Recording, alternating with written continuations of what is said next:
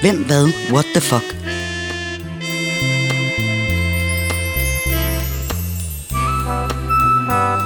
Et nedslag i et legendarisk opslagsværk fra før internettet blev født.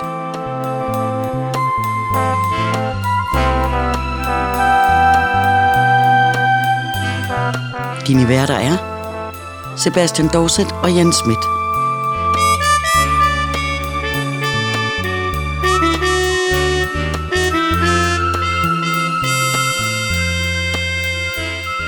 Denne gang anno 2001.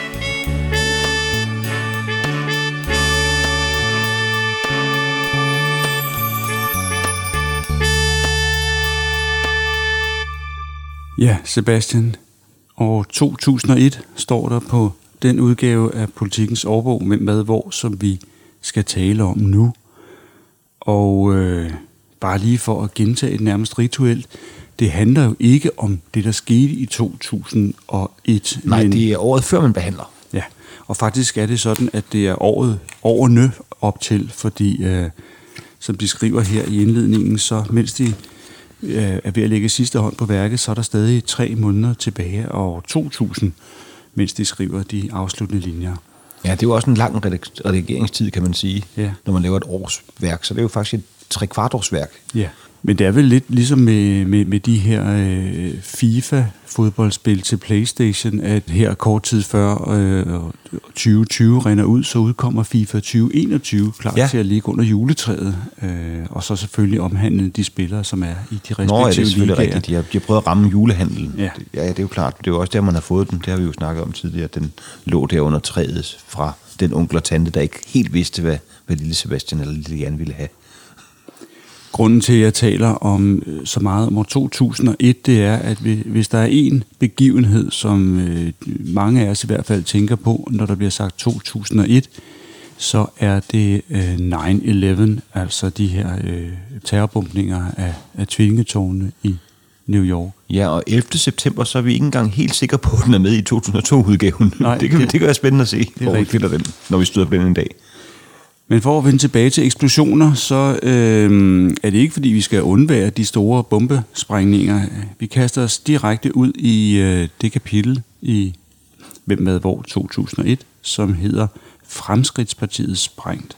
Ja, Og det handler simpelthen om, at fire folketingsmedlemmer, Kirsten Jacobsen, brødrene Kim og Tom Benke, samt Torkild øh, B. Fransgaard, de meddelte, at de forlod Fremskridtspartiet her for at fortsætte som løsgænger i Folketinget under betegnelsen Frihed 2000. det er rigtigt, ja. De, de stjal ligesom hovedparten af gruppen der. Årsagen var, at det var lykkedes Mogens Glistrup at vende tilbage til Fremskridtspartiet, og øh, her øh, lagde han altså ikke bånd på sine øh, grænseløse ytringer om, hvad, hvordan han synes, at dansk politik skulle udvikle sig i fremtiden. Nej, han, han havde blandt andet året før sagt, at, at øh, alle indvandrere skulle interneres i lejre. Eller alle, alle muhammedanere, som han sagde, skulle interneres i lejre. Og jeg tror, at beboerne i lejre blev en lille smule utrygge ved den, ja. Den udmelding.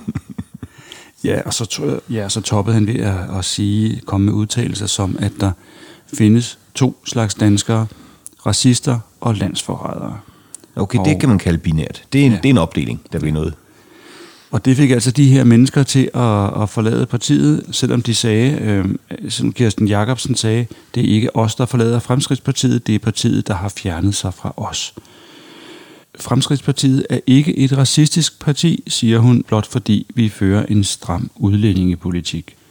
Og også fremover vil vi være borgernes vagthunde. Den talepinde er blevet lånt af andre partier siden, kan man sige. Men det var også, i 2000 var det jo fem år siden, at Dansk Folkeparti var opstået, som også var en, kan man sige, en udbryder på grund af, af rodet og, og forvirringen i Fremskridtspartiet.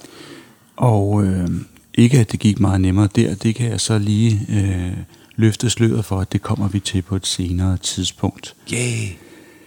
Ligesom det var første gang tilbage i, var det 83, at det lykkedes Mogens Glistrup at blive stemt ud af Folketinget, så, øh, så åbnede det her øh, rod i Fremskridspartiet nu også for noget politisk kaos, fordi det øh, er første gang i Danmarks historien, at en hel folketingsgruppe har brudt med et parti. Og, øh, og, det, og det, det betød altså, at man skulle lige kigge lidt på reglerne for partier, øh, fordi de tog faktisk de midler, de kunne drive deres parti med, tog de med over i deres nye løsgængerparti. Dog blev det sådan, at hvis de valgte at, stille op til det kommende folketingsvalg med det her nye parti, Frihed 2000, så skulle de altså ud og indsamle de her på daværende tidspunkt 19.463 opstillingsberettigende underskrifter. Ja, og det kan man sige, det er jo dejligt for administratorerne inde i Folketinget, at vi har reglerne på plads fra år 2000, de her i sidste år, hvor Alternativet øh, gjorde næsten det samme.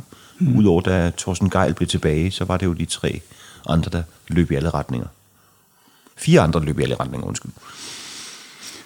Jeg tror jo, at Måns Glister forsøgte sig med et trivselspartiet på et senere tidspunkt, øh, det, som ikke rigtig kom ind. Det er rigtigt. Det er rigtigt. Det kom, det kom aldrig ind.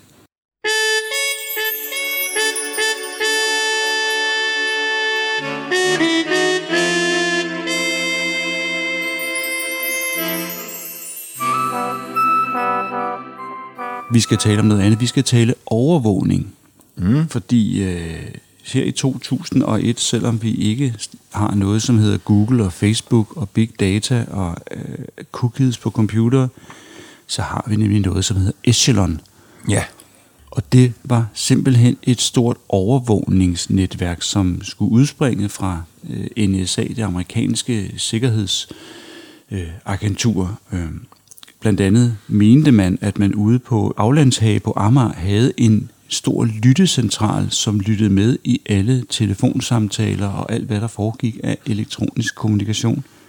Og det var der utrolig meget ballade om.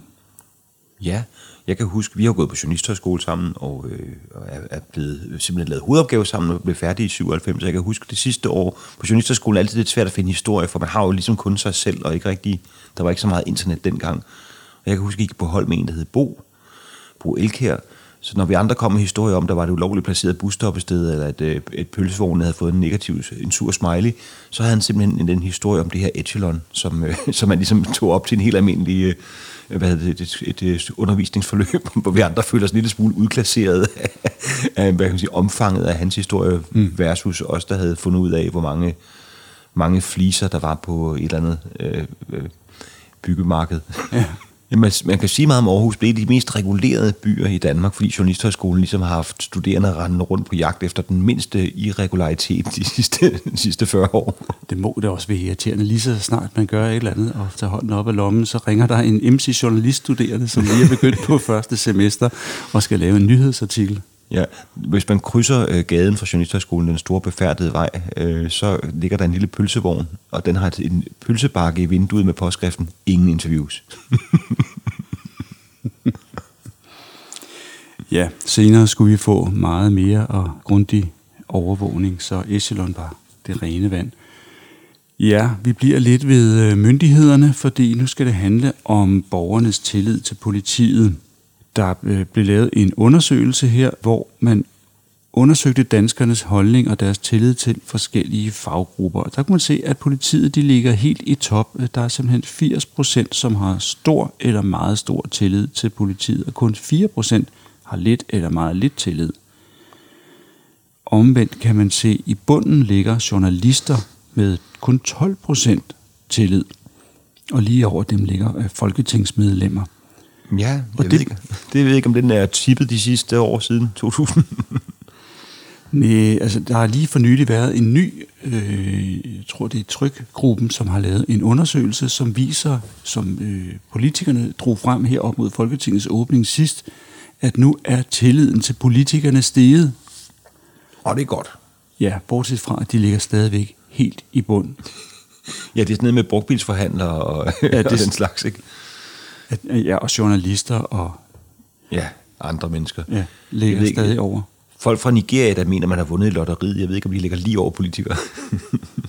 det kan være, at de at politikerne er ved at, ved at nappe dem i haserne. Men politiet ligger rigtig flot, og, og, og de har så illustreret det med en fin en lille satirisk tegning, hvor man ser en lille ældre dame, krumbøjet med stok, der giver en thumbs up til en meget stor kampklædt betjent med en knibbel i hånden. Men det var sådan, politiet så ud dengang, da man i øh, den 2. november, hvor dansk politi i Jyske Bank havde beslaglagt 90 millioner kroner, som menes at stamme fra nogle russeres ulovlige handel med telefoner abonnementer. Det vides ikke. Nej, det er rigtigt. Ja. Det kan være.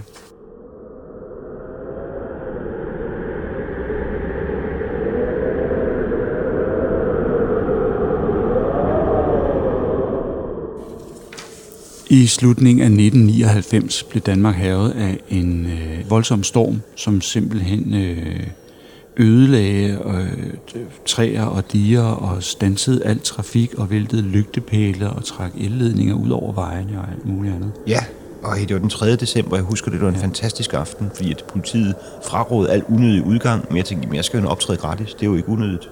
så tog jeg ind på et sted og optrådte, og det var meget hyggeligt, at vi bagefter fik en øl.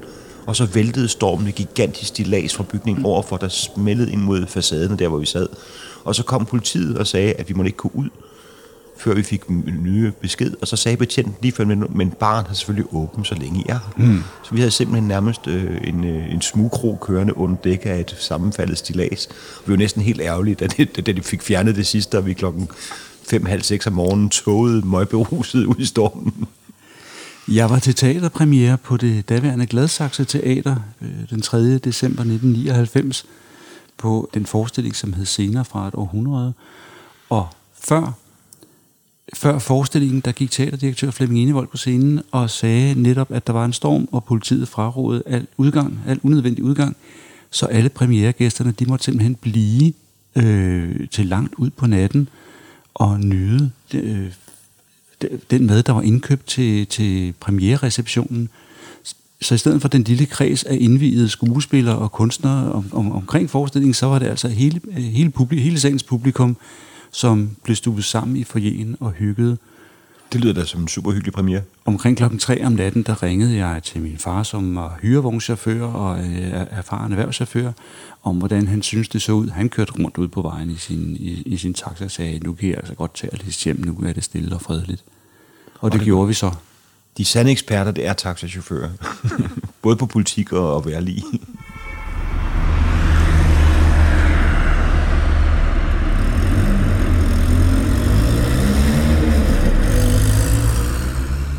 netop overgangen fra år 1999 til 2000, den bød jo på stor frygt og øh, mange fugtige håndflader og, og, og nervøse blikke, øh, fordi man frygtede, at på grund af en tjusket programmeringsfejl i alt mulig computersoftware, at i det øjeblik, man gik fra 99 og over til 2000, så var der en masse computersystemer, som ville bryde sammen.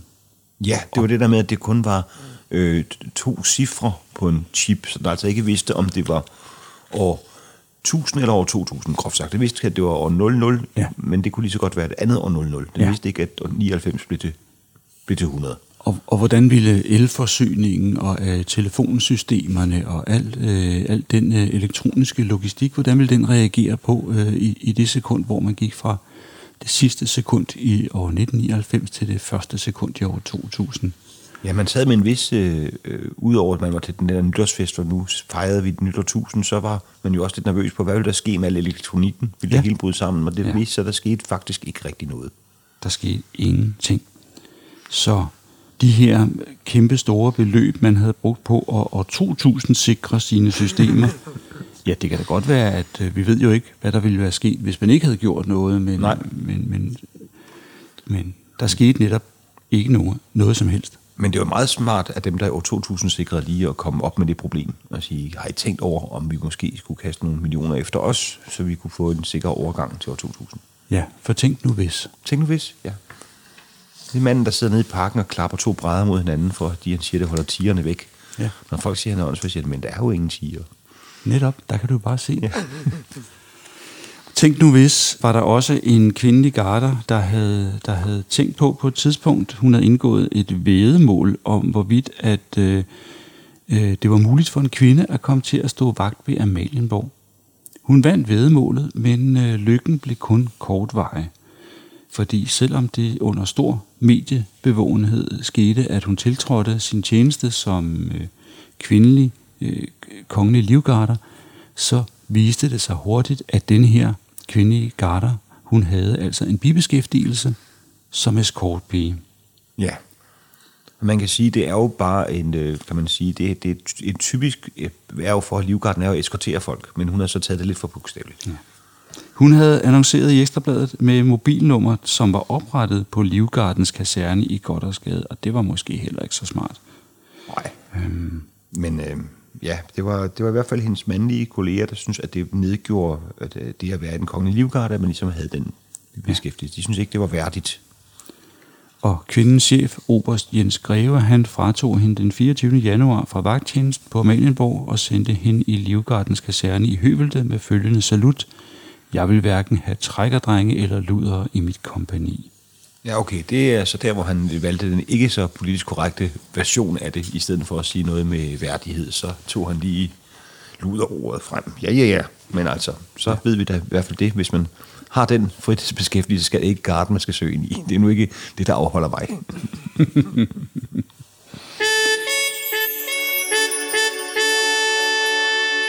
du lytter til Hvem, Hvad, What the Fuck. En podcast med nedslag i et legendarisk opslagsværk fra før internettet blev født.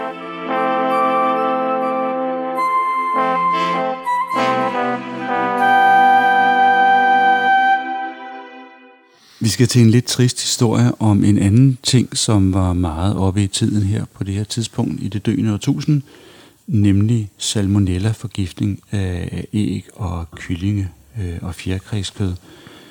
Det er historien om, at en far og en søn var død af salmonella-forgiftning efter at have spist en hjemmelavet kiksekage, som var lavet på rå æg fra et lille privat salmonella-inficeret hønsehold, der ikke var omfattet af myndighedernes kontrolforanstaltninger.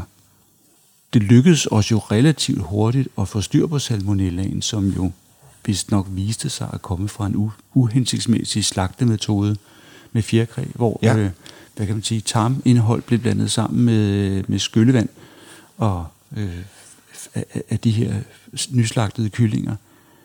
Man fik rimelig hurtigt tjek på det, men man kæmpede i mange år med, med den her frygt for at få salmonella. Ja, der er stadigvæk øh, visse mennesker, jeg kigger på dig, Susan, øh, som ikke tør spise rå æg på nogen måde. Øh, men altså, jeg, jeg er selv sådan lidt frygtløs, men jeg har faktisk haft salmonella, så jeg burde ikke være den der lidt sindige type, men det, jeg, jeg havde en, øh, en lidt hård uge, kan man sige, hvor øh, der blev slidt nogle, øh, nogle, nogle streger på gulvet frem og tilbage mellem stuen og toilettet. Ja, som der står her, en salmonella-forgiftning viser sig typisk ved maveknib, opkast, svimmelhed, feber og diarré. Øh, hos nogen opstår der endda komplikationer i form af ledbetændelse eller blodforgiftning, så det er jo ikke bare for sjov, men... Ja, det er... Det var ikke sjovt i hvert fald. Det var ikke som sådan en humoristisk indstilse i mit liv, men, men heldigvis gik det ikke så galt som det med kiksekagen, og vi kan bare sende dem en, en kærlig tanke og sige, at det var måske medvirkende årsag til, at vi fik sat styr på den salmonella. Ja, og en anden medvirkende årsag til i øvrigt at sikre omkring øh, fødevareproduktion, det var en anden stor ting, nemlig kogalskab. Denne her, øh, denne her hjernesygdom, som, som jo viste sig øh, ikke blot at husere blandt øh, får og kvæg, men også kunne smitte til mennesker, som kunne få den variant, som hed Kreuzfeldt Jacobs. Den udsprang jo af nogle rigtig, rigtig smarte, ja, under Første Verdenskrig ville man nok have kaldt dem gullaschbaroner, øh, nogle rigtig smarte landmænd i England, som synes, det var en god idé at blande rester af selvdøde dyr, og især deres øh, hjerne- og knoglemavsmasse, i dyrefoder til andre af de samme dyr. Det vil sige, at der var en masse køer i England, som spiste øh, i deres foder, fik iblandet rester af, af, af hjernemasse og, og knoglemag fra andre. Det ville jeg også blive gal over. Ja. og det blev de.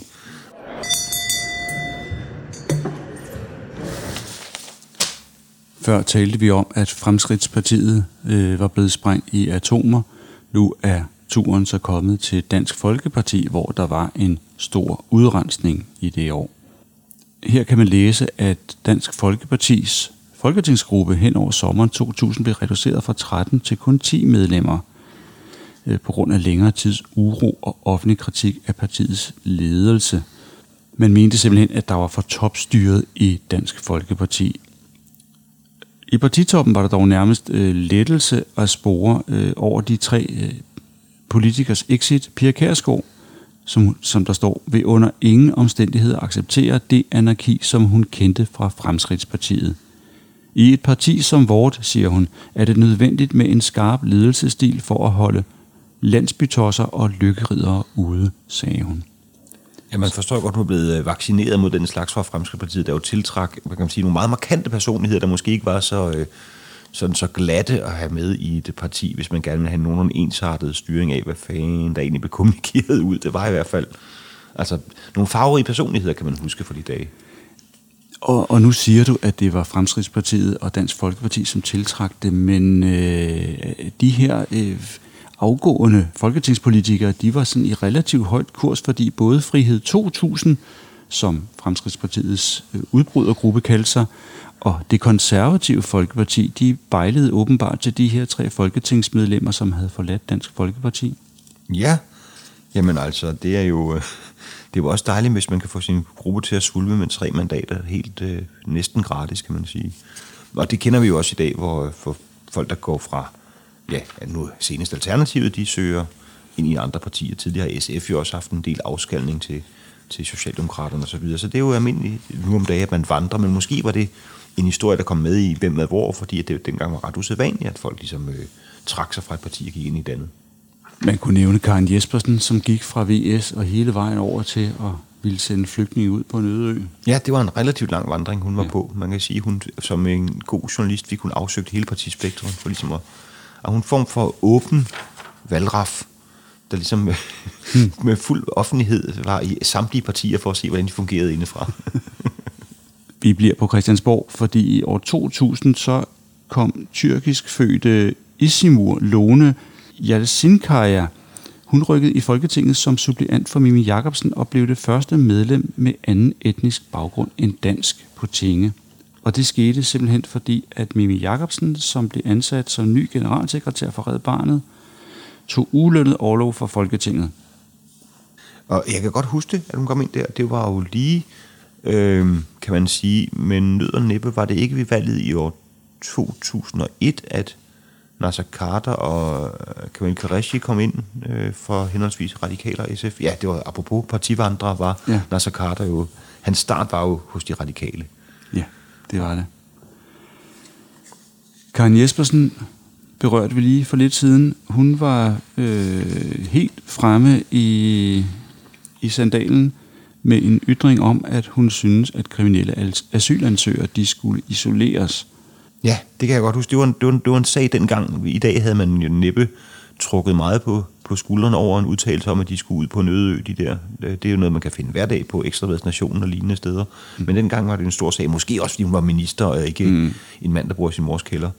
Øh, men jeg kan godt huske, at vi faktisk lavede en sketch om det på det tidspunkt i noget satireprogram, jeg var så heldig at få lov til at være med til at lave, hvor vi faktisk fik fat i to mennesker med arabisk baggrund og sejlede ud på den lille ø i er det Sortedammen, der ligger en lille ø i. Og så stod de simpelthen derude, hvor, vi, hvor Jan Gindberg kastede ting til mig og sagde, så havde de noget at få tage sig til. Og jeg tror ikke, man kunne have gjort det i dag, uden der var blevet raseri på samtlige fløje, men øh, det, var, det var lidt nemmere at lave satire i år 2000.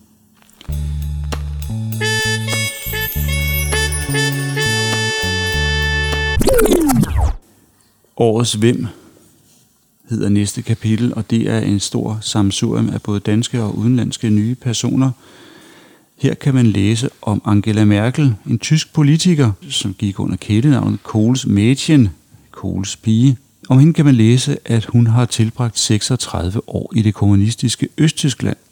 Oprindeligt er hun født i Hamburg, altså i Vesttyskland, men kun få måneder gammel tog faren, som er præst, tog familien med til byen Templin i DDR en lidt usædvanlig vej at vandre, kan man sige, internt ja. i de to Tysklande. Hun øh, studerede på Universitetet i Leipzig og hentede i 1978 en doktorgrad på en afhandling om partikelreaktioner. Hun taler desuden flydende russisk, som jeg tror var meget normalt for, for indbyggerne i DDR, som havde gået i skole. Det lærte man ligesom, ja, ligesom vi, vi lærer engelsk. Ja, ligesom vi lærer engelsk. De havde også mest russiske film at se, ligesom ja. vi havde engelske ja. film. Ja. Øhm, I DDR's sidste dage gik hun ind i politik og engagerede sig i partiet Demokratisk Opbrud. Og ved det første valg efter genforeningen i 1990 kom hun ind i forbundsdagen for de kristelige demokrater CDU. Også herefter så begyndte det at gå stærkt for Angela Merkel. Hun blev familieminister, miljøminister osv. Og efter at CDU led et valgnederlag i efteråret 98, og Helmut Kohl trådte tilbage som kansler, så overtog Merkel posten som partiets generalsekretær. Nogen tribunehelt er hun ikke, som der står, snarere en kende bleg i sin fremtoning. Privat er hun gift med en kemiprofessor. Hun er protestant og dybt religiøs. Ja, det er en meget, meget fin, relativt neutral præsentation af hende, udover det med, at hun er bleg i sin fremtoning. Vi viser, hvad hendes styrke er, hun ikke var sådan en tribune helt. Hun var en, som folk tænker, hun er seriøs, hende kan vi stole på, der er ikke noget, der er ikke noget pjat med de kanslerinde. Nej. Øhm, nu skramler dåseåbneren lidt, fordi vi skal have lidt øh, ananas i egen juice. Fordi i det her år, øh, i år 2000, den 16. april, måtte vi sige farvel til Knud Åge Frøbert, Ja. som var vores begges underviser i pressejure på Danmarks Journalisthøjskole dengang. Det er fuldstændig korrekt, ja. Vi havde noget lige at få ham. at Det var kun tre år efter, vi forlod Journalisthøjskolen, da han gik bort, og øh, nu er det store auditorium opkaldt efter ham. Ja, og det er fuldt fortjent, fordi han kunne bringe liv i noget ellers lidt tørt jurastof ved at, øh, ja, ved at gøre det øh, farverigt og eksemplificere det, så man forstod det. Ja. Øh, og det er jo ikke, fordi han tydede til populære midler for popularitetens skyld. Han havde røv i bukserne, når man så må sige. Øh, han yndede at sige om sig selv omkring mediejura, at øh, der kunne man tælle dem, som vidste noget om det, på én finger. han var også en meget, meget brugt ekspert i uh, mediejuren. Det, det var ligesom, når man sad og så TV-avisen, som jo, man jo gjorde dengang, så de sagde, vi har en kommentar fra, og så vidste man allerede, de ville sige Knud Ufrøbert. Altså hvis, der, hvis det handlede om emner med, hvad pressen måtte og ikke måtte, så, så var den fuldstændig sikker. Der var kun en mand at ringe til. Og, og ham, ham fik vi så lov at låne et par timer ja. en gang imellem, når man skulle vide lidt mere om, hvordan man gjorde den slags. Og jeg tror, det var nogle af de timer, man ikke skulkede så meget fra. Nej, der var bred opbakning til at gå ind i auditoriet og høre ham være både underholdende og vidende. Så, ja. så tak til ham.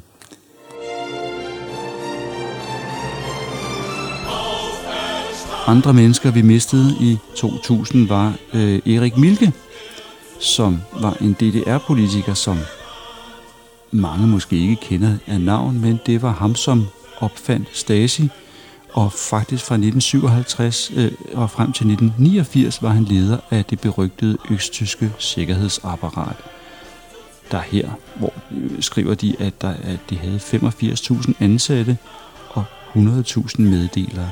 Jeg mener nu nok, at der må have været langt, langt flere meddelere. Altså var man oppe og tale på at omkring ja, 5-10 procent af DDR's befolkning på en eller anden måde var, var ja. ved, ved tvang og trusler indrulleret i i DDR's sikkerhedstjeneste, så man kunne holde øje med alt og alle i DDR.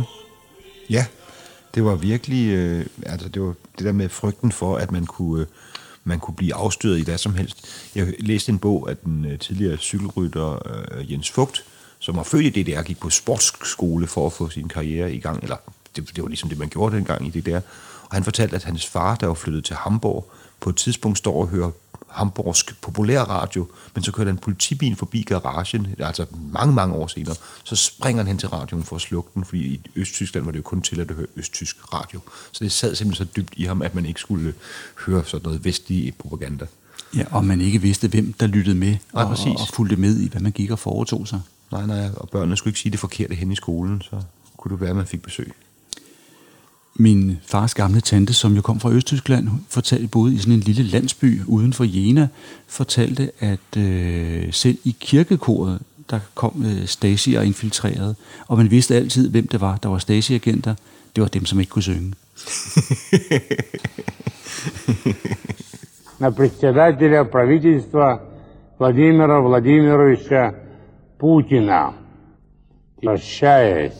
En lille mand, som man ikke havde hørt så meget til, Vladimir Putin, han øh, blev valgt, og så vi skriver her i Hvem hvad Hvor 2001, spændingen om den endelige vinder var ikke særlig stor, da Rusland den 26. marts 2000 skulle vælge Boris Jeltsins efterfølger på præsidentposten. Fordi Jeltsin havde traditionen tro, som man gjorde, valgt at køre sin favorit i stilling. Men krigen i Tatinien, den sørgede for resten, som de så skriver.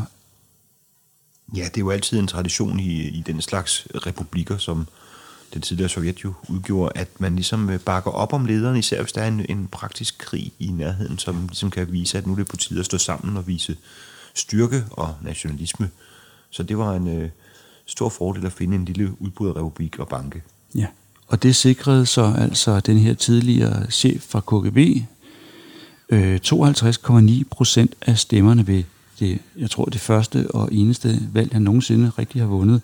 Næsten 40 millioner vælgere stemte på ham, selvom ingen rigtig ved, hvem han egentlig er, som der skriver, hvad, hvad han står for, hverken personligt eller politisk. Men det er lidt sjovt, at de stoler på ham, fordi Boris Jeltsin kørte ham i stilling, og det er jo en mand, man nok skal være russer for at tænke, at det er min garant for kvalitet.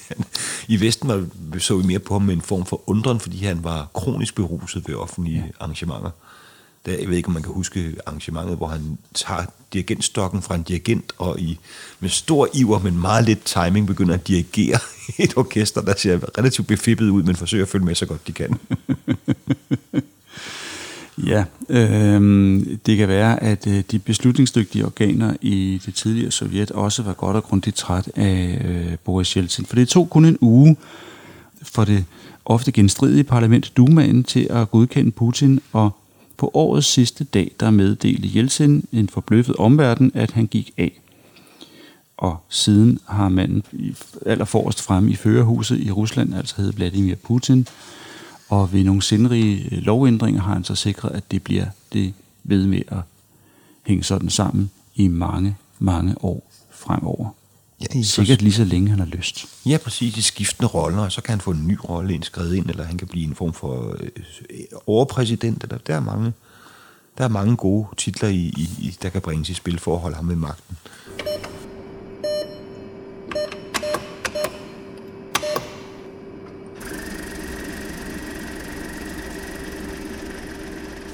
EDB og problemer, eller offentlige store investeringer til nye projekter og problemer. Problembarnet Amanda. Åh oh, ja. Denne her store, det her store EDB-system, som skulle øh, hjælpe arbejdsformidlingens ansatte til at øh, give en, ja, en, en mere effektiv og øh, ja, en mere effektiv sagsbehandling inden for arbejdsformidlingen. Og der kan man sige, det fik de ikke helt. Nej. Det gik i hvert fald kun en måned, så havde de simpelthen fået nok og klaget over Amanda. Ja. Der må føle sig lidt uelsket.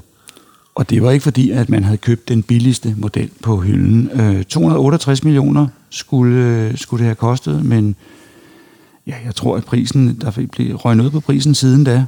Ja, det virker som om, og nu er det bare mig som lægemand, der udtaler mig, at det er ret svært at lave et offentligt IT-system, fordi det er sjældent, man rigtig har hørt om noget, der bare point fungerede første gang, man ligesom trykker på tændknappen. Det er mere noget med, at de siger mange gange, hov. Jeg, jeg, jeg synes, det er svært at få øje på nogle systemer, som der virker. Bare for den liste, som de nævner her, så øh, nævner de, at undervisningsministeriets VUE-projekt overskred budgetrammen med flere hundrede procent – det samme skete for øh, patentdirektoratets system, som blev næsten dobbelt så dyrt. 12 og skat erhvervssystem skulle spare 200 medarbejdere. Øh, men, men fire ud af fem dele i projektet blev aldrig nogensinde leveret. Og man kunne nævne politiets Polsas og øh, det centrale virksomhedsregister, og i øjeblik, hvis vi bare kigger frem mod nutiden, så har vi skats ikke eksisterende inddrivningssystem, som simpelthen gør, at der ligger milliarder af penge og venter ude i folks lommer, som ikke bliver inddrevet. Ja, de er først lige gået i gang med rent faktisk at kommunikere til de mennesker, der skylder dem penge. Det kunne de ikke i mange år. De kunne ikke skrive til dem. Man kunne, de kunne håbe, de selv ringede. jeg er blevet bekendt med, at jeg skylder penge. Hvad skal vi gøre?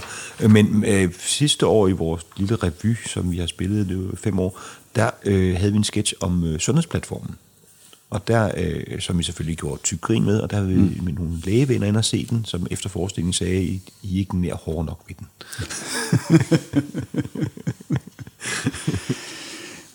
vi skal tale om Big Brother. Det er ikke øh, George Orwells øh, overvågende figur fra romanen 1984, vi taler om. Ej heller er det Endemol Entertainments, det hollandske tv-produktionsselskab, som solgte et koncept til TV Danmark, øh, hvor man skulle holde øje med nogle menneskers gøren og laden, helst uden så meget tøj på. Vi skal tale om, at, øh, at man rent faktisk nu kan købe satellitbilleder fra spionsatellitter ude fra rummet, hvis man har lyst til det. Organisationer, virksomheder og private kan via internettet bestille fotos fra private spionsatellitter, og billederne kan allerede nu leveres med en skarphed, så man kan se et hundehus i en baghave. Og det er sådan noget, som skat bruger til at øh, beregne ejendomsværdiskat og, Ja. og, og, og den slags, og øvrigt se, om byggeregulativet er, er overholdt. Fordi den carport, de kan se, den har man da vist ikke fået Nej, til. det hundehus, det er helt ude af proportioner stort til den øh, gravhund. Det lyder som noget nyt, men det er det ikke. Det er noget, som man har brugt i over 30 år. Allerede Saddam Hussein, han købte øh, billeder fra en fransk overvågningssatellit forud for invasionen af Kuwait. Okay. Man skal sige, der er dog ikke frit spil her. Altså, det handler om, at private de kan købe billeder i postkortstørrelse, postkortstørrelse af byer, for, øh, for eksempel London og Paris. Og der angives prisen til at være i størrelsesorden 10 dollars. Bestillingsopgaver, det koster fra 100.000 dollars og opad. Og okay. det er ikke alt, man kan fotografere. Blandt det... andet er det forbudt at tage billeder af Israel, står der. Okay, jeg havde tænkt på nogle mere personlige ting, men altså Israel kan man ikke få. Men altså, det er bare, hvis man ved, det, det er et dyrt postkort, postkort, hvis det koster over 100.000 kroner. Men altså, så kan man lige nøjes med det til 10 dollars. Det er trods alt lige til at have med at gøre.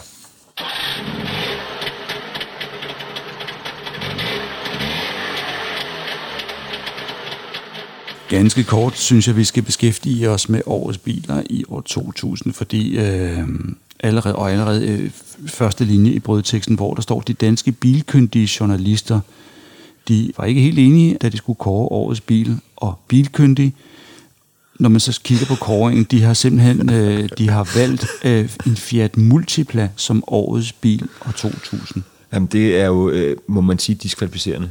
Ja. Altså, det er den grimmeste bil, der nogensinde er designet, og den kommer nok ikke til at blive overgået, medmindre man virkelig laver en med hjulene på taget, eller noget den stil. Det, den er, hvis man kan huske, den er den med det, man vist i modekreds kalder en muffin top. Den ser ud, som om, den er presset ned. Overdelen er presset ned i en lidt for lille undervogn, så den ligesom laver sådan en mærkelig bølge rundt omkring. Det er meget lidt kønt, men øh, sikkert praktisk. Og så har den de her mærkelige insektagtige øjne, øh, de her forlygter, som sidder ikke yderst foran ved kølergrillen, men som sidder oppe under, oppe under forruden simpelthen. Ja. Mærkelig, mærkelig bil. Ja, meget mærkeligt, og, og, og sikkert meget, meget praktisk til, hvis man har børn, men altså samtidig må de børn jo også blive traumatiseret af alle de mennesker, der peger og griner hele dagen.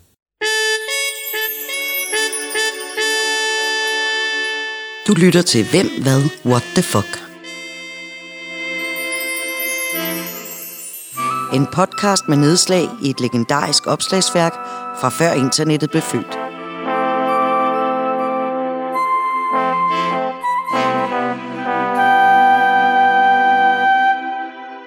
Så er vi kommet til at tale om nye ord i dansk.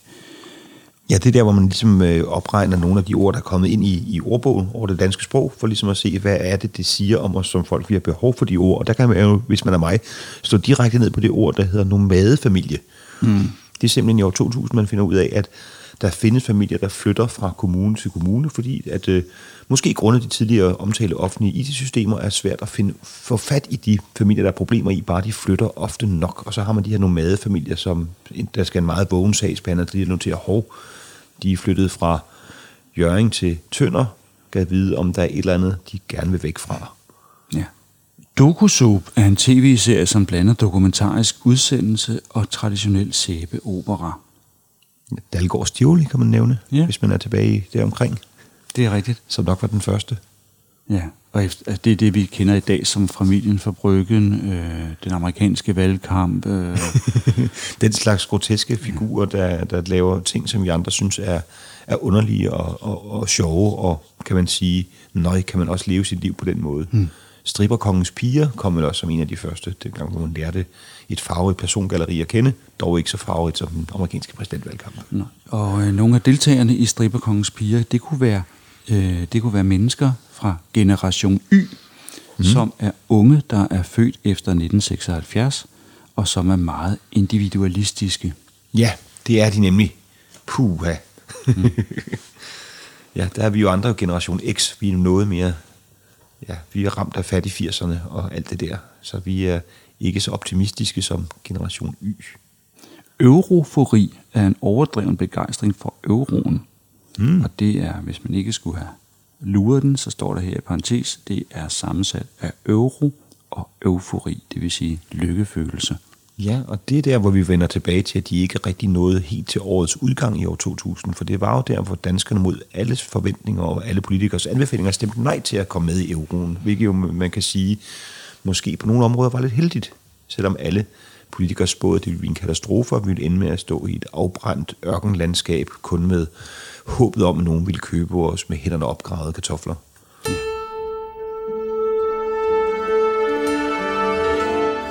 Nu skal det handle om kultur. Sebastian, kan du huske de her øh, guldfisk, som svømmede rundt i nogle blendere? Ja, det her forrygende kunstværk. Ja, så husker du lidt forkert, for det var ikke guldfisk. Nej, det var, det var, det var sværdrager. Det er rigtigt. Øh, Marco Evaristi, som kunstneren hed, øh, som havde i den her ud, installationsudstilling på Kunstmuseet Traphold i Kolding, havde anbagt de her øh, fisk i de her blender, hvor man publikum ved at trykke på en knap kunne aktivere blenderen og lave de her guldfisk til mus. Ja, og det var der vist en, der gjorde stærkt presset af en øh, journalist, en aktivistisk journalist, der gerne ville have den historie. Men altså, det var jo det der, jeg synes jo, det er et smukt kunstværk, der ligesom understreger livets skrøbelighed, vores eget valg, vores egen muligheder for at være gode eller onde, øh, sat på spidsen i en enkelt øh, knap, som en finger kan nærme sig eller lade være med. Lidt populært kunne man sige, at et fravalg er også et valg. Præcis. Den kunstneriske kreativitet, skriver Hvem hvad hvor, var dog til at overskue, og det viste sig oven i købet, at øh, den morderiske idé havde været fremme før, og blandt andet havde sin egen webadresse. Okay, var det guld, eller var det sværdragerne, der simpelthen havde været fremme med ideen tidligere? En øh, dødsdriftsramt selvmord, selvmorderisk sværdrager. Ja, lad være at trykke på knappen.dk. Udstillingen udløste mange reaktioner, blandt andet en politianmeldelse fra dyrens beskyttelse. Og så fulgte der også i kølvandet en offentlig beklædelse fra Mulinex, firmaet, som havde fabrikeret de famøse blender. Det hele, hele muligheden blev omtalt i verdenspressen gennem Reuters og BBC. Og der kan man sige meget moderne kunst, men det er jo også et kriterium, opmærksomheden. Der var også manden, der udstoppede hundevalper og den slags, og det skal du ikke høre, Hugo. Nej, og så var der Christian Lemmert, som tog en, en, en død gris og lagde den i en glasmontre, hvor den langsomt gik i forrådnelse. Ja, som de jo gør, døde grise. Ja. Vi skal tale under kapitlet Rock, skal vi tale om pladeudgivelser. Jeg haster videre til at tale om brødrene Olsen jo, som gav nationen den stolthed at vinde det internationale Melodi Grand Prix med smuk som et stjerneskud. Øh, og det bag, så de skriver, det var med til at bane vejen for en eller anden form for optimisme for dansk musik, og som der faktisk også står, at øh, det var et smukt signal om, at ældre musikere og ældre mennesker i det hele taget kan have mange kvaliteter i et fortravlet og ungdomsfixeret samfund. Ja, det var jo på mange måder en smuk sejr med Brøden Olsen i Grand Prix i Stockholm, også fordi de deres øh, hovedmodstander i pointoptællingen viste sig at være en ung russisk sangerinde i næsten ingen tøj, og med et show, der mest bestod af, at hun viste det. Så det var derfor, man kan sige, det var faktisk rent bogstaveligt en sejr for, for den gode melodi, og, og den, de, de der brødre, der har... Altså, jeg bliver helt rørt, jeg bliver helt rørt, da de vandt. De har stået på blokvogne ved alle former for dyreskue og kræmmermarked og hele... Og byfester og... Ja, optrådt for alt fra to til tusind personer, ja. og bare gjort det uden, uden brok, og bare spillet deres numre, og så fik de den fortjente succes. Det synes jeg var så smukt. Ja. Også fordi, at, som, som vi siger, det var, det var en, øh, en sangkyndighed. Og jeg synes også, det er ekstra smukt, at i ugerne op til havde Sørine Godfredsen skrevet en klum om, hvor pinligt det var, at Danmark kunne sende sådan to så afdankede øh, folkemusikanter til et stort musikstævne som Melodi Petersen, glimrende mål. Og træffeligt dirigeret hovedstød der af Bjarne Petersen på Bostrøms lige så udmærket set indkast. Vi skal tale om fodbold, Sebastian. Ja. Yeah. Øhm, efter en turnering, som var præget af meget ustabile resultater, der kunne have følges blå-gule tropper under ledelse af den spillende trænerdebutant John Faxe Jensen, kunne i juni 2000 hæve øh, DM-pokalen mod den sjællandske landsbyhimmel som ja. symbol på klubbens første mesterskab og kvalifikationskampe til Champions League. Ja, det var helt vanvittigt, at det lille bitte landsbyhold her følge øh, Saftkongens tropper, de på den måde kunne blive danske mester. Det er jo ja. helt vildt imponerende. Ja. Herfølge var øh, tæt forfulgt af et andet blågult mandskab, nemlig Brøndbyernes Idrætsforening, som kom på andenpladsen kun to point efter. Så det var spænding til det sidste. Ja, og så var AB på det tidspunkt på tredjepladsen endnu to point efter. Så det var da en, hvad kan sige, en, en top, der har budt på øh, nogen, der, der senere er blevet større, og så nogen, der er forsvundet lidt ud af topfodbold.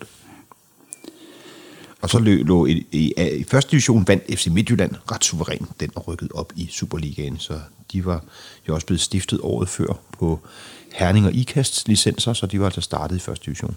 FC København lå og rode lidt rundt i midten af, i midten af Superligaen, side om side med Lyngby og Odense Boldklub. Ja, det kunne man godt lide de år. Det holdt man meget af. Ligge der på 8. pladsen. Og OB, som netop var rykket op fra en tur ned i første division, det var jo ikke så, det var ikke så fordelagtigt Nej. dengang.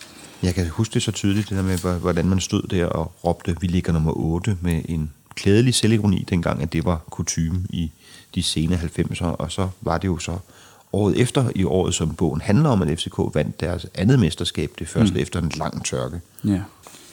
Vi skal tale om en anden sportsgren, som lige lister sig lidt ind, nemlig håndbold, og vi skal tale om Anja Andersen. Ja. Anja Andersen, engang verdens bedste håndboldspiller. Hun øh, tiltrådte i maj 2000 en stilling som træner og sportschef chef i Slagelse. Hun havde jo en fantastisk øh, karriere. I 1997 blev hun kåret som verdens bedste håndboldspiller, øh, men måtte øh, et par år efter, i august 1999, indstille den aktive karriere på topniveau på grund af hjerteproblemer. Og i sin karriere kan hun se tilbage på 725 mål, øh, placeret i 133 landskampe. Og hvis man lige kort skal løbe øh, igennem de største succeser, de største triumfer med medaljer med landsholdet, så fandt hun OL-guld i 1996, og samme år valgte hun også EM-guld, og året efter blev det så til VM-guld. Ja, hun har haft en fantastisk håndboldkarriere, Anja Andersen. Det må man bare give hende. Det er helt, helt vanvittigt, hvad hun nåede at vinde, og den der fantastiske evne, hun havde med den bold, det var jo altså, det var jo hendes naturlige element, det var at, at kaste og være i en håndboldhand med harpik på fingrene. Det Ja. er, Og med en fanden i voldsked, som man godt kan savne, ja, synes jeg. Ja, sådan en, en, det, som man kalder en vinderskalle på norsk. Det der med, hun, altså, der, var ikke, der var ikke nogen, der skulle stå mod, mellem hende og, og sejren. Og så har vi også fået plads til, og det er jo en af de dejlige ting ved, øh, ved Madvor, at de har plads til de mindre øh, sportsgrene. Der er for eksempel kunstskøjtløb, og der har man Danmarksmesteren, det var Michael Tyllesen, der vandt for herrene, og så er det Mikkeline Kirkegaard, der vandt hos kvinderne. Og hun er en af de få kvindelige kunstskøjteløbere, man sådan kan nævne, der rent faktisk nåede frem til den brede offentlighed af mange årsager. Og det er, synes jeg, det vil jeg lige nævne, fordi min kæreste stoppede sin kunstskøjtkarriere som, som øh, 14-15-årig, og det er den eneste grund til, at der kun er én kunstskøjtløber, man rigtig kan nævne hos kvinderne. Og med det er vi nået til vejs ende i denne episode af podcasten Hvem hvad what the fuck, hvor Sebastian Dorset og Jan Schmidt tager dig øh, igennem øh, nogle nedslag i et legendarisk opslagsværk, nemlig Politikens årbog Hvem hvad hvor. Denne gang var det Hvem hvad hvor, årgang 2001, som vi kiggede på. Ja, det er det nyeste, vi har været, så øh, det så hører med næste gang, om vi dykker længere tilbage i historien, eller om vi går endnu tættere på nutiden. Og husk at abonnere på podcasten, øh, del, like og hvad man nu alle sammen gør af den slags ting og sager. Vi skal nok sørge for at gøre det bedste for at lave masser af nye, spændende og what the fuck-agtige gennemgange af hvem havde hvor.